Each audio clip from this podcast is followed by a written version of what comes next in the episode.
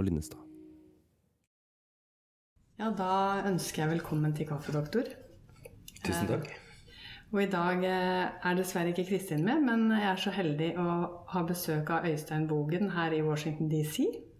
Velkommen, Øystein. Tusen takk. Eh, I dag skal vi snakke litt om eh, hvordan journalistikk kan gå på helsa løs. Eh, Du har jo fått merke det på kroppen på mange måter. Eh, Jeg tenkte først må jeg få presentere deg litt. Eh, Du er eh, journalist og har, snakker vel flytende russisk. Har russiskstudier fra Forsvarets språk- og etterretningsskole. Og studier i sammenlignende politikk fra Universitetet i Bergen. Og så har vel Ja, nå har du vært ansatt i TV 2 siden 95 eller noe sånt, er det det? Ja. Eh, og mesteparten av din tid i TV 2 har vært i Russland. Ja, Russland, eh, Øst-Europa, kan jeg si. Ja. Så akkurat nå så er jeg et friår fra Øst-Europa her i Washington. Nettopp, ja. Men til sommeren bærer det av gårde til Ukraina igjen. Det gjør det etter planen. Ja. Eh, og grunnen til at jeg har invitert deg hit, er jo at um, jeg har jo en tendens til å synes at alt er helse. men, men jeg tenker du som journalist har jo vært utsatt for ganske mye rart. Ja, det har vært en del hendelser opp igjennom. Jeg har vel ikke tenkt så mye på alt i form av at det er helserelatert der og da, men eh, det er jo klart i ettertid så kan man gjøre seg de tankene. Fordi eh, både fysisk og psykisk så kan det jo være eh, risikofylt å være på de oppdragene i eh, krig og kriserammede områder. Ehm, kanskje du kan fortelle litt om Jeg vet jo i hvert fall at du skadet armen din ganske alvorlig i Russland eh, for en del år siden. Kan du fortelle noe om det? Ja, det var jo en, um, en episode som det er morsomt å se tilbake på nå og le litt av, men som var ganske um, ille der og da, da. Det var jo et, um, en bilulykke um, vinterstid på veien mellom Murmansk og Kirkenes. Russisk sjåfør som viste seg da å ha sommerdekk, i hvert fall på et par hjul, som da førte til at bilen uh, skrensa ut og havna i et bekkefar på taket. Og um, dette var jo eh, litt sånn Virka jo som det hadde gått bra innledningsvis. da, han eh, Sjåføren han gidda jo ikke å bruke bilbelte engang. Og han gikk det jo helt fint med, men jeg fikk han oppå meg og knuste dermed venstre underarm. Jeg ser du har et uh, ganske saftig arr etter det. Mhm. Jeg pleier å si at det er krokodille, men uh, det, det er altså bilulykke. Ja. Ja, så da um, fikk jeg jo et møte med det russiske helsevesenet, og det var jo interessant. For jeg hadde jo ikke veldig store hva skal vi si, tanker om det fra før. Men de ble bare enda verre etter dette her, hvor jeg da ble det tok vel en halvtime før jeg ble plukka opp av noe som ligna på en ambulanse, men som var en brødbil uten noe inni, for jeg ble lempa inn. Og så kom de med en kjempestor metallsprøyte som de skulle stikke i baken på meg. Og da sa jeg nei, jeg skal ikke ha noe sånn der. Vet du hva de prøvde å gi? Nei, de, de, de sa de skulle bare få meg til å sove. Det var det de sa. Det høres skummelt ut. Ja, og så syns at dette med en, en sånn gjenbrukssprøyte så litt sånn fishy ut også på den tida, da. Så eh, de fikk ikke det. Men så tok de meg inn til sykehuset i en liten by som heter Nikkel, rett ved norskegrensa, og der eh, var de veldig bestemt på at her ville de operere. Så enten jeg ville eller ikke, så ble jeg trilla inn på en operasjonssal der det sto fire eh, leger, går jeg ut ifra, og røykte.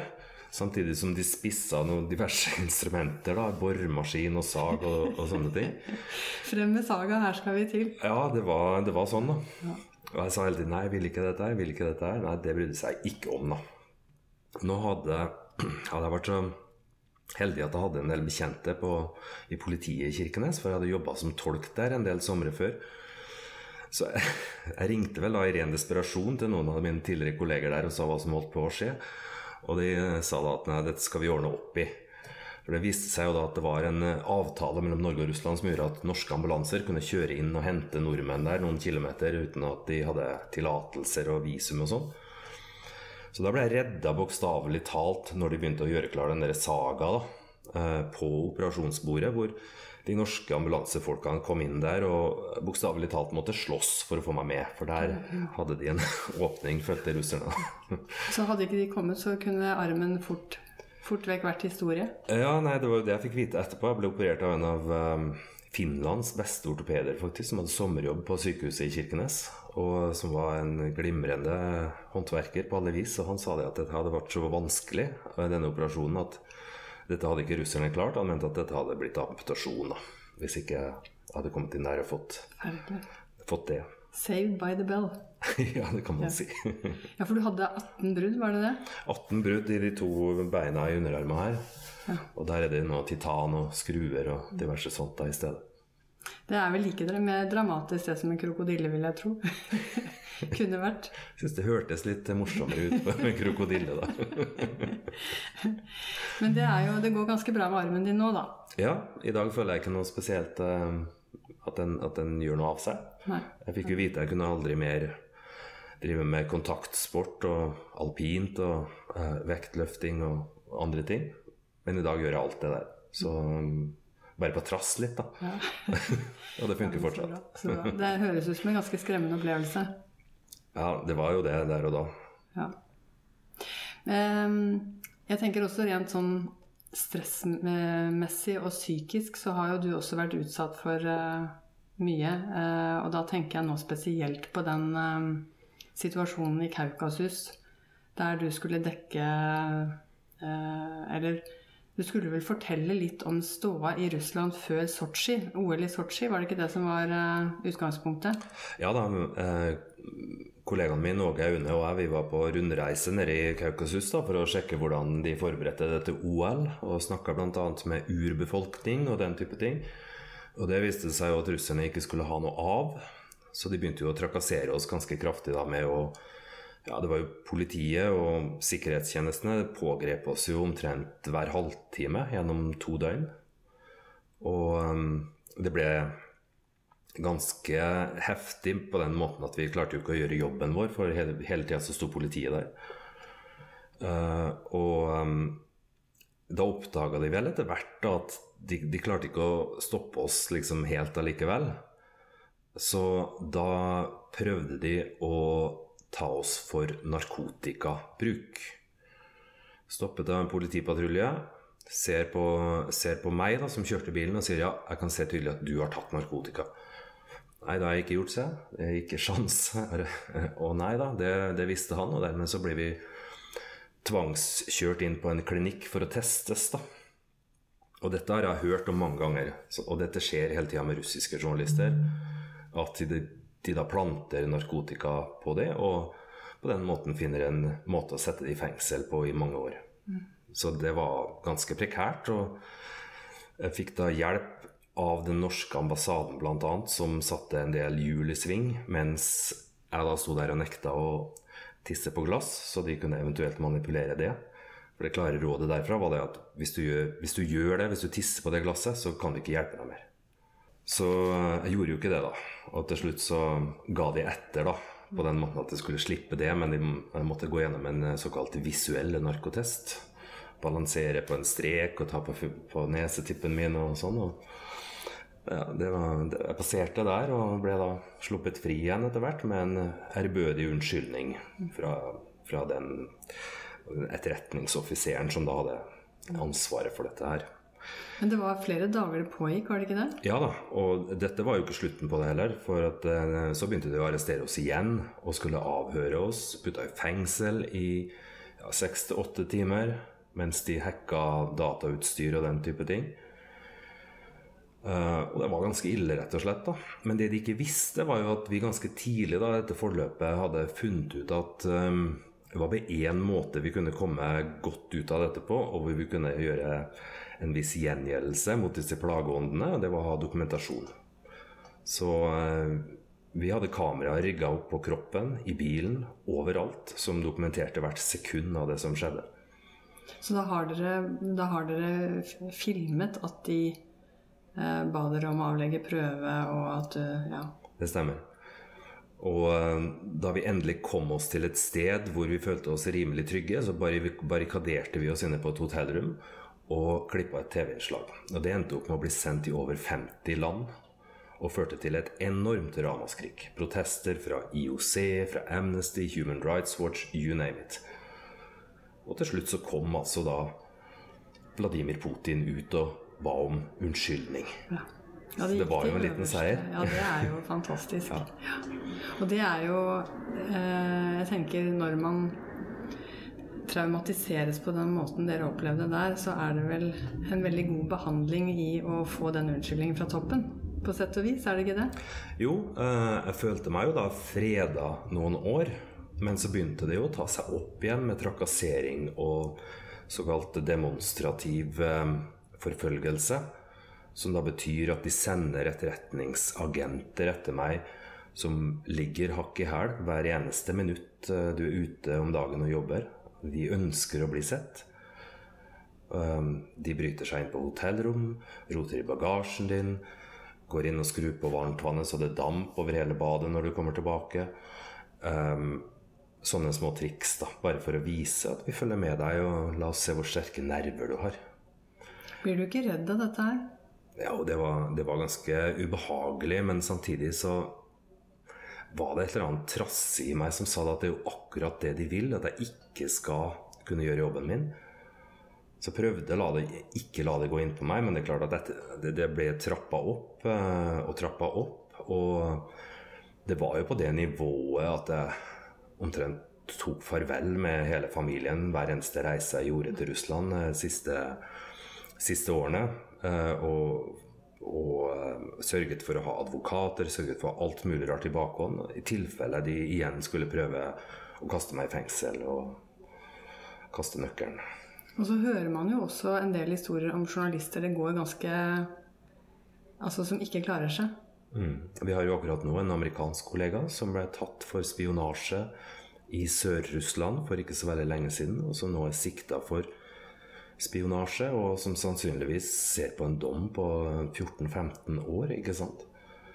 Og det er jo ingenting som tyder på at han har drevet med det. Nei, kom han i kloa, så kan det vel fort være gjort. Med en gang de sikter noen, så er det for seint å gjøre noe. Da er det ingenting som kan snu det.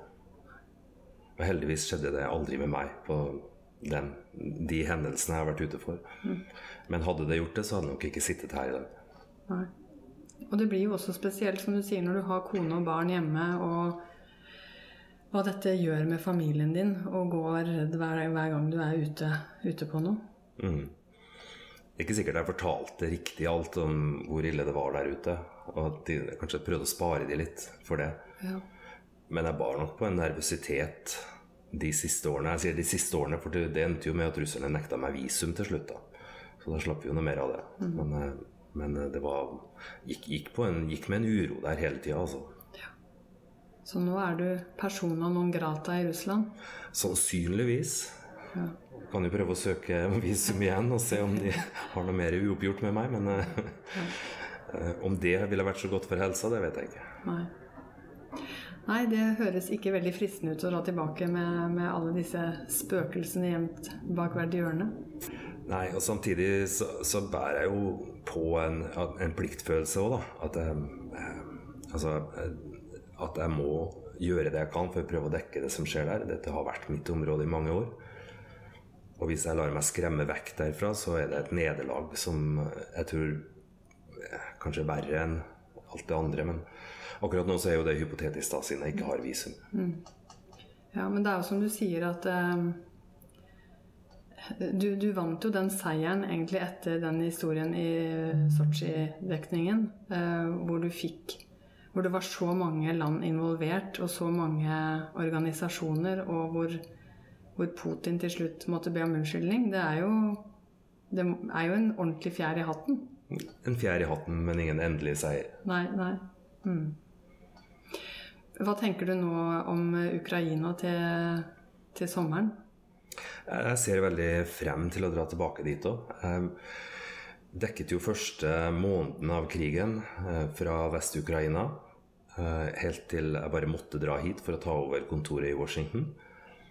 Eh, Og det var jo traumatiserende i seg selv for meg å måtte reise hit. For der hadde jeg også denne pliktfølelsen at, at, jeg, at dette var stedet jeg burde være, og jobben jeg burde gjøre. Um, og jeg, tenkte vel en del på dette at nå svikter jeg ukrainerne. Nå svikter jeg liksom kallet mitt her.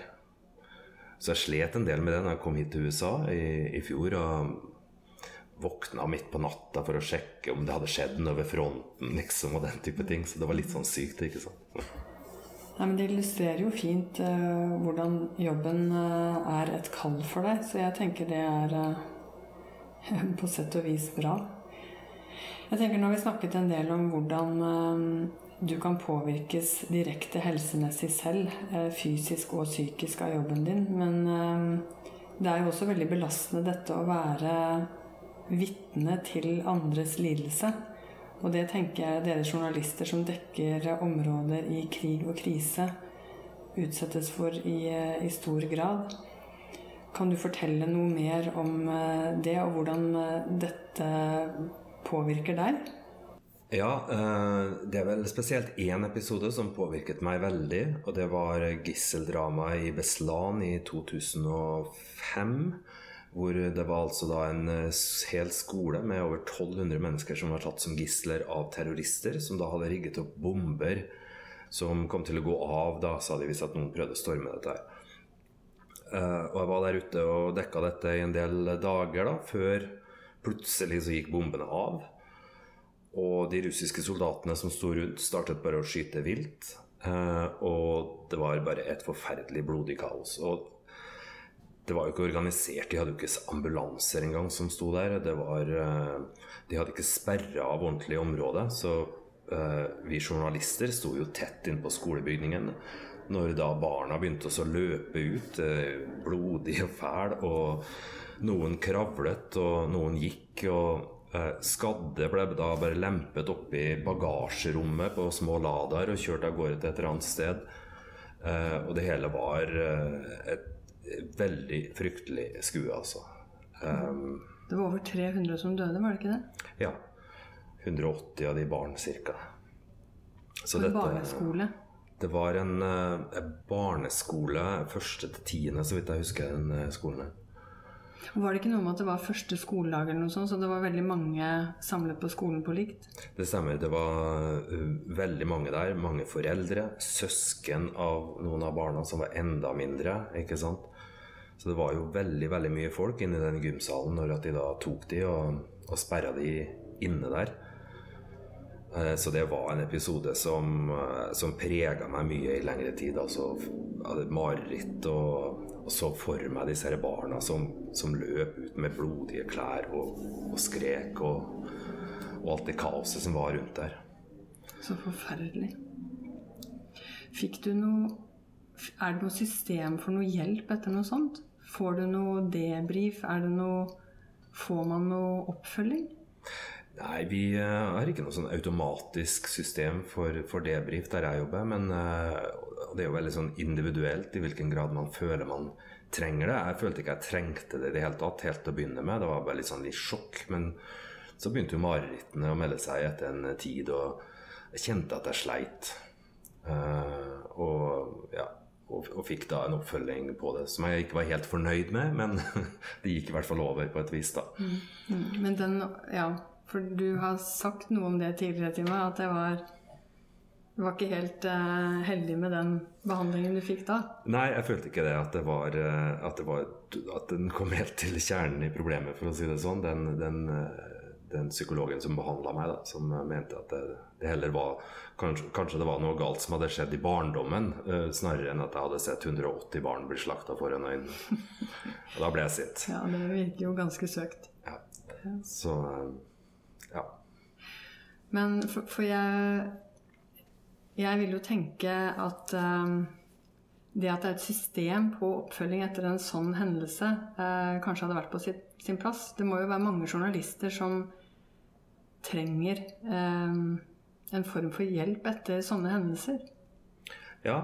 Uh, igjen så er det veldig forskjell på folk, er mitt inntrykk. Uh, noen som ikke vil ha den type ting i det hele tatt, og som nærmest må nødes. Uh, og andre som da blir preget av ting som ja, jeg f.eks. ikke reagerer på i det hele tatt. Uh, personlig tror jeg jeg har blitt litt sånn avstumpa og kynisk av det jeg har sett og opplevd. Så det skal veldig mye til for meg nå, føler at jeg, føler at jeg virkelig kjenner at dette har skada på et eller annet vis. Mm. Ja, det er kanskje sånn med gamle ringrever at man føler at man klarer å stå i det. Men jeg tenker yngre kollegaer skulle man vel kanskje tro at Hva ville du råde yngre kollegaer til? Hvis de opplevde sånne Jeg ville vel ha rådet alle mediebedrifter til å ha tvungen debrief med psykolog hvis det har vært et eller annet som kunne være traumatiserende. At det ikke var noe valg på den fronten der, men alle skulle inn der og, og blitt sjekka ut. Eh, og sånn tror ikke jeg det er veldig mange som har det. Nei, Det er jo satt mer i systemet i Forsvaret. Jeg jobber jo eh, litt militært også. Og der er det jo et annet system på debrief nå enn det var tidligere.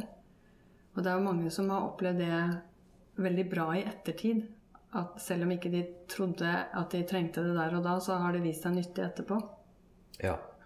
Men Fordelen med et slikt system Jeg har også hørt mye bra om det måten Forsvaret organiserer dette på nå. Eh, fordelen med noe sånt er at du da slipper å måtte liksom ja, begynne å ringe rundt og ja, Trenger jeg virkelig noen ting? Og så, og så, blir det liksom aldri noe av. Ikke sant? Ja, det er jo en viss terskel, og jeg tenker hvis det ikke har vært helt sånn Det er ikke sånn man har gjort det, så skjønner jeg at terskelen blir mye høyere. Mm, det er det, ja. Lyst til å vise liksom, personalavdelingen og alle skal vite at 'å, nå har han bedt om psykolog', liksom. Nei, du har ikke lyst til det. Nei. Dette fikser jeg. Mm. Mm. Jeg skjønner jo det. Men jeg, jeg, så det at Trond Idås, rådgiver i Norsk Journalistlag, han har vel vært litt i bresjen for å, å lage en veileder med råd for journalister som dekker eh, krise og krig. Ja, jeg har også snakket mye med Idås i forbindelse med arbeidet han har gjort. Ja, Så da har du kanskje gitt dine innspill etter hva du har opplevd? Muligens, ja. ja. For jeg ser jo han fokuserer mye på dette med skyld og skam, blant annet. Eh, at man, eh, mange av dem som sliter i etterkant, kjenner på skyldfølelse og kanskje også skamfølelse for at de ikke har kunnet klare å gjøre noe med situasjonen der og da? Mm. Ja. Um, nå er det jo slik i, i, vårt yrke at vi skal ikke gripe inn uansett omtrent hva vi ser, for at det kan for det første hindre oss fra å gjøre jobben vår, og for det andre at vi kan få reaksjoner. Noen mener at vi ikke bør, bør hjelpe. Um, ikke sant? Og kanskje selv om vi har fått ganske grundig opplæring i førstehjelp og den type ting, at man blir usikker på sine egne egenskaper, eh, kunnskaper om det, når man står oppi det. Så for meg som journalist så er det ganske fjernt å gripe inn aktivt i en situasjon og hjelpe noen. Eh, det må jeg si. Men du, eh, jeg har forstått at du dekket flyktningkrisen. Syrere som dro til Lesbos, ikke sant? Mm. Kan du fortelle noe om hva som skjedde der, eh, og hva du faktisk gjorde for å gripe inn? Ja, der brøt kynikeren i meg sammen, gitt. Så det var jo eh, fryktelig mye folk. Mange tusen som kom til ei strand på Nord-Lesbos, og der var det ikke noe apparat for å hjelpe dem. Flyktningene fikk beskjed om at nå skulle de gå sju mil langs en veldig varm asfaltvei helt til de kom til flyktningleiren som var lenger sør på øya. Og da gikk de da rundt der, da. Altså, eller de gikk langs den veien der, da. Det tok timevis. De hadde ikke mat, de hadde ikke vann, eh, de hadde ikke noen ting. Og det var jo veldig hjerteskjærende å se på spesielt småbarnsfamilier som, som strevde med dette her, altså. Uh, det må jo ha vært ganske mange som også var ved dårlig helse da de kom frem til Lesbos? Ja, ja, det var folk som knapt kunne gå, ikke sant. Uh, men spesielt det med barna syns jeg var ille å se på. Bitte små barn som skrek for de var tørste, de var sultne, men de måtte da gå denne forferdelige veien sørover i 40 graders varme. Så da brøt jeg sammen og, og tok en liten familie inn i bilen, og, og vi kjørte de ned, da. Mm. Jeg skulle selvfølgelig kanskje ikke ha gjort det. Sannsynligvis hadde det blitt tatt for menneskesmugling hvis gresk politi hadde, hadde vært der, men men for meg så var det ikke noe annet valg enn å, enn å hjelpe akkurat de. Fordi det kunne i hvert fall hjelpe noen. Ja, og sånn i ettertid så vil jeg jo tro at det er lettere for deg å leve med at du faktisk risikerte å bli tatt for menneskesmugling, enn at du eh, hadde tom bil på vei til flyktningleiren. Ja, jeg tror det. Men jeg tenker den grensegangen mellom eh, når man som menneske vil traumatiseres ved ikke å gripe inn, og når man som journalist skal holde seg unna, det ville jeg tro det kan være fornuftig å bruke tid på før oppdrag. At man bevisstgjøres de grensegangene der. Hva tenker du om det? Jo, det er noe vi snakker om ute i felten. Hva gjør vi dersom vi opplever, opplever det? Uh, og da har du på en måte lagt et sånt fundament kanskje der, da. Og fundamentet er alltid at vi skal ikke gripe inn med mindre. Og så er det da med mindre, sant. Ser vi noen dø foran øynene våre, og vi vet vi kan gjøre noe for å hjelpe her, så tror jeg så tror jeg vel at jeg selv i hvert fall vil velge å være menneske i en, i en sånn situasjon. Ja. I, I, Forsvaret så snakker man en del om begrepet 'moral injury'. Mm. Eh, og det tror jeg vel kanskje brukes mer om situasjoner der man egentlig presses til å gjøre noe aktivt som strider imot egne uh, ideer om hva som er riktig. Men uh, eh, det er jo også et begrep som brukes om der man ikke gjør noe. Ikke Fravær av aktivitet, på en måte. Eh, og det vil jeg jo tro at dere også kan komme borti, selv om dere er veldig preppa på at dere ikke skal gjøre noen ting. At det må være vondt å være vitne til uten å gripe inn likevel. Ja, jeg tenker det. Og spesielt i situasjoner hvor du ser at du faktisk kan gjøre noe. Du skjønner at det er noe du kan gjøre. Da er det vanskelig å snu seg og, og se en annen vei. Det har jeg tenkt, i hvert fall. Jeg har ikke vært akkurat i den type situasjoner hvor, eh, hvor jeg både følte at jeg hadde evnene og kunnskapen til å gjøre noe, og at det var at det sto om liv. Men jeg forbereder meg på at den dagen kan komme. Ja, det er, eh, det er tøffe, tøffe tak. Mm. Eh, men for meg så virker det som om det er eh, større, større fokus på disse aspektene ved journalismen nå enn det var tidligere, i hvert fall? Uh, ja. Det er et tja der. Tja Ikke helt overbevisende. Nei, altså um, um, Jo, altså på papiret er det jo selvfølgelig det. Men ikke i praksis? Jeg er usikker på det. Uh, ja, jeg, jeg, må si det at de fra min generasjon i hvert fall, som har vært i felten i mange år og gjort mye rart, vi tenderer vel til å tenke på disse tingene som litt sånn ikke-temaer. Ja, nettopp. Det er ikke det dere driver med. Nei. nettopp. Men vi får jo håpe at det er noen som, som tenker på det og, og, driver med det. Ja. Um. Hva ville du eh, råde yngre kollegaer til? Hva ville du eh, med den erfaringen du har, tenke at det er verdt å ha med seg inn i yrket hvis man er fersk? Ja. Altså når det gjelder denne helsebiten, da.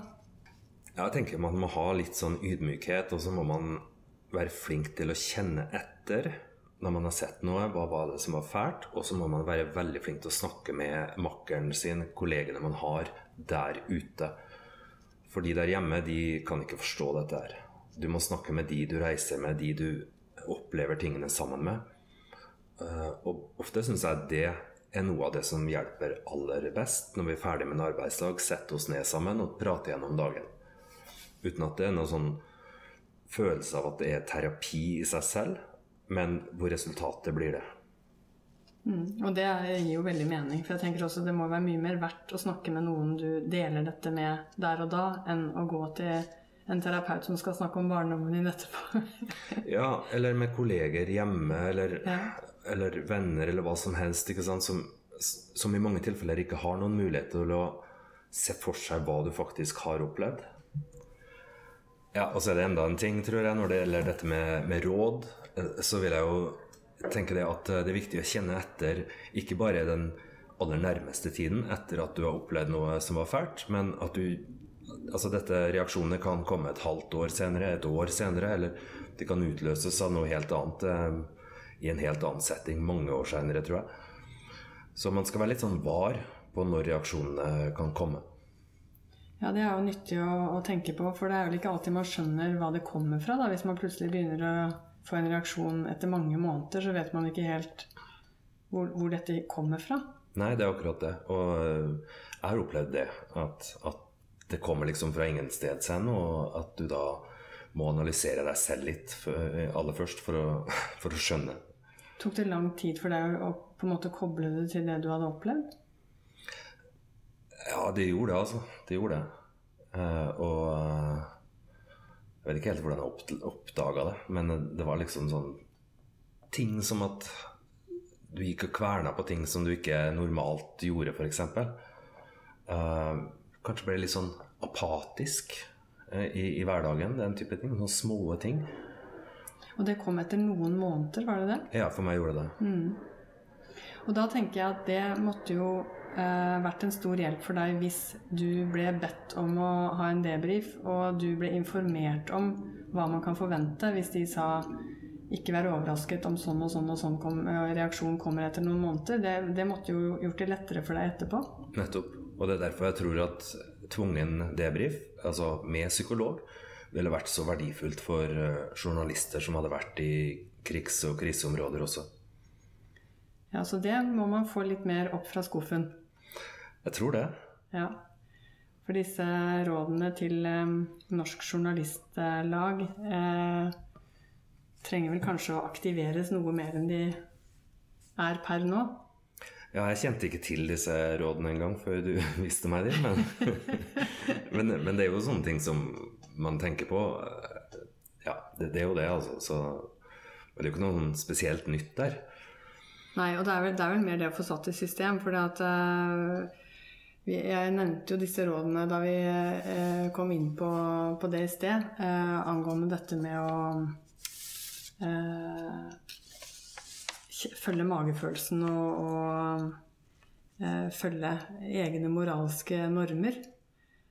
Men eh, reglene tar jo for seg det du for så vidt har vært inne på, om å snakke med kollegaer, eh, bruke tid på å bearbeide opplevelsene i ettertid. Eh, og også dette med kolleg, kollegesamtaler. Mm. Jeg syns det høres fornuftig ut at man setter det litt mer i system, sånn at man ikke kjenner at man må finne opp kruttet på nytt hver gang man kommer fra en, eh, et oppdrag. Ja, det, det, tror jeg er viktig. At det må være såpass eh, lavterskel og automatikk i dette at man slipper å gjøre så veldig mye for å sette ja, beredskapen i, i, gang. Jeg vet ikke om det kanskje er uh, passende ord å runde av med, Øystein, hvis ikke det er andre ting du brenner inne med? Nei, jeg, brenner, jeg får som regel sagt det jeg trenger å si på lufta også, så det Ja, men da vil jeg eh, gjerne få lov å si tusen takk for at du eh, kom. Det var veldig hyggelig. Tusen takk for at jeg ikke fikk være med i programmet. Så må du ha lykke til videre i Washington og senere i Ukraina i sommer. Takk for det også.